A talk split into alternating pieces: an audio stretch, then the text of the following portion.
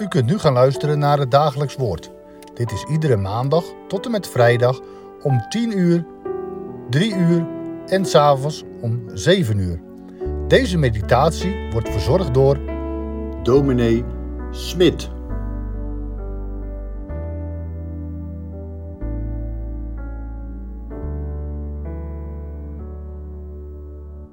Fijn dat u weer luistert naar het dagelijks woord. Welkom. Vandaag lezen we verder in de profetieën van Malachi. Het betreft het laatste Bijbelboek van het Oude Testament. Malachi is ook de laatste van de profeten voorafgaand aan de komst van Johannes de Doper, de voorloper van de Heer Jezus. Hij profeteerde in de tijd na de Babylonische ballingschap.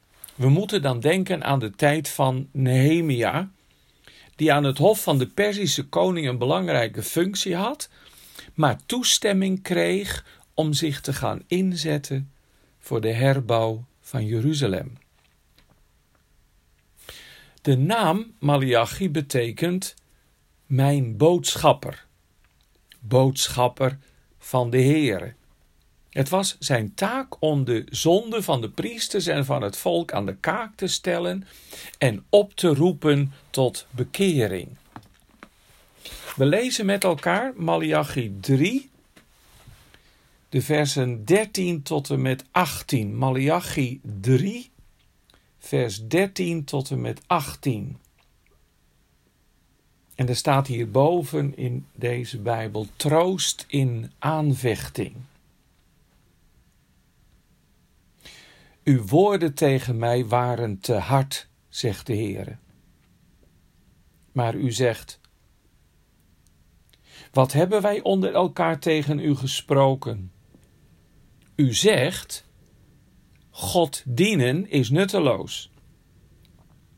Wat voor nut heeft het dat wij onze taak ten behoeve van Hem vervullen en dat wij in het zwart gaan?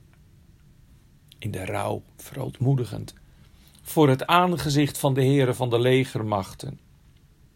Welnu, wij prijzen de hoogmoedige gelukkig. Niet alleen worden zij die goddeloosheid doen opgebouwd, zelfs als zij God beproeven, ontkomen zij. Dan spreken zij die de Heere vrezen ieder tot zijn naaste. De Heere slaat er acht op en luistert. Er is een gedenkboek geschreven voor zijn aangezicht, voor wie de Heere vrezen en wie zijn naam hoog achten. En ze zullen voor mij, zegt de Heere van de legermachten, op de dag die ik maken zal, een persoonlijk eigendom zijn.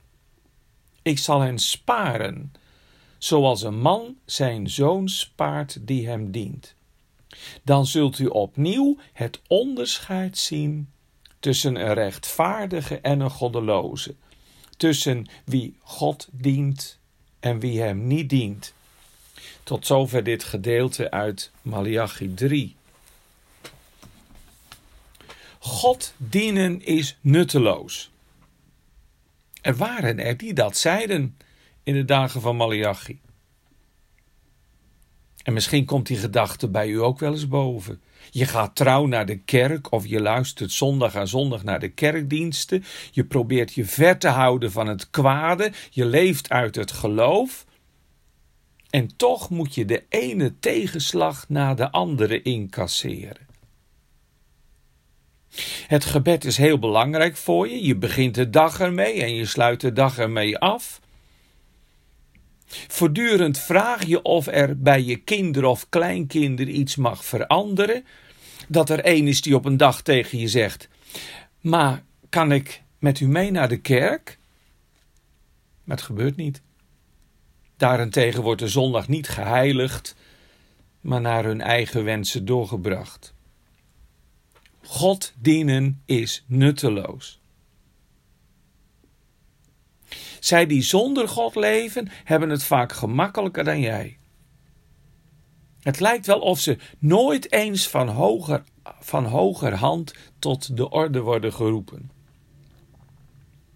God dienen is nutteloos. Daar plaatst Malachi echter iets tegenover. Er is een gedenkboek geschreven voor zijn aangezicht, voor wie de Heere vrezen en wie zijn naam hoog achten. Iedere keer als u het uitroept, O God, mijn dochter, dan schrijft de Heere dat op in zijn boek.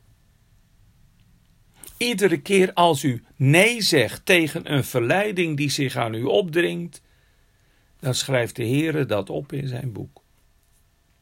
Iedere keer dat u neerknielt bij het kruis van de Heer Jezus om vergeving en troost te vinden in zijn wonden, dan schrijft de Heer dat op in zijn boek.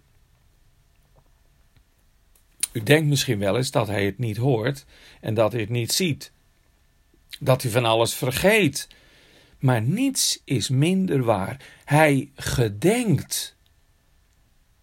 En daarom wekt de dichter van Psalm 77 zichzelf op om ook te gedenken. Ik zal gedenken hoe voor deze ons de Heer heeft gunst bewezen. Ik zal de wonderen gadeslaan die gij hebt van ouds gedaan. Ik zal nauwkeurig op u werken en derzelver uitkomst merken. En in plaats van bittere klacht, daarvan spreken dag en nacht. Ja, daaraan voorafgaand zong hij iets anders. Zouden zijn beloftenissen verder haar vervulling missen, vruchteloos worden afgewacht van geslacht, van geslachte tot geslacht? Maar God zal verandering geven. Een gedenkboek. De Heer Jezus heeft het daar ook over in Lucas 10, vers 20. Lucas 10, vers 20. Verblijd u dat uw namen geschreven zijn in de hemelen, geschreven in het boek des levens. Maar hoe weet ik dat dan? Kan ik inzage krijgen in dat boek des levens? Ja, dat kan, maar anders dan u denkt. Daarvoor moet u bij de Heer Jezus zijn. Hem nodig hebben, Hem vastgrijpen in Zijn belofte, je neerwerpen aan Zijn voeten, met een heilige brutaliteit tegen Hem zeggen dat je Hem niet zult loslaten totdat Hij je zegent. Weet u, hoe meer je de naam leert kennen van de zaligmaker, hoe meer je je eigen naam ziet staan in zijn doorboorde handen. Hoe meer je de naam leert kennen van de zaligmaker, hoe meer je je eigen naam ziet staan in zijn doorboorde handen. Weet u wat ik zo mooi vind? Dat de Heere zegt dat zij die hem vrezen en zijn naam hoog achten op de dag die hij zal maken, zijn persoonlijk eigendom zullen zijn. Op de dag dat de Heer alles gaat rechtzetten en alle goddeloosheid zal wegdoen van deze aarde, op die dag zijn degenen die Hem eerbiedigen een kostbaar bezit voor de Heer, waar Hij zuinig op is. Zijn persoonlijk eigendom. Ja, zegt de Heidelbergse catechismus, het is mijn troost, mijn unieke troost, dat ik in leven en sterven het eigendom, het persoonlijk eigendom ben van mijn trouwe redder, Jezus. Ik zie op Hem en ik ervaar Zijn trekkende liefde. Maar het is mij goed, mijn zalig slot, nabij te wezen bij mijn God, in Zijn woord in de gekruiste. Ik vertrouw op Hem, geheel en al, de Heer wiens werk ik roemen zal. Amen. Zullen we met elkaar bidden? Heren, soms kennen we momenten van moedeloosheid. En vragen we ons af: zou de Heer me vergeten zijn? Maar u vergeet degene die op u hopen niet. Er is bij u een gedenkboek en wij prijzen uw naam. En Heere, wilt u het ons telkens ook weer duidelijk maken? Dat het ons enig behoud is, niet, niet dat we zien op onszelf en naar binnen kijken, maar dat we zien op de gekruiste Jezus.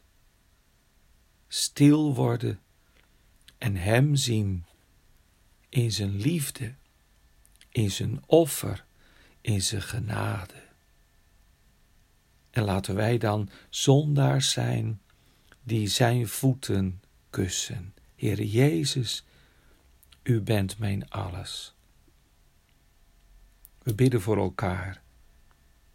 We denken aan zieken, chronisch zieken, mensen die invalide zijn. We bidden voor hen die psychisch lijden. Voor mensen in rouw.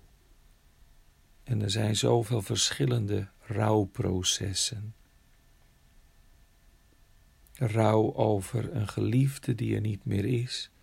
Rouw over wat had kunnen zijn en wat nooit is gekomen en noem maar op.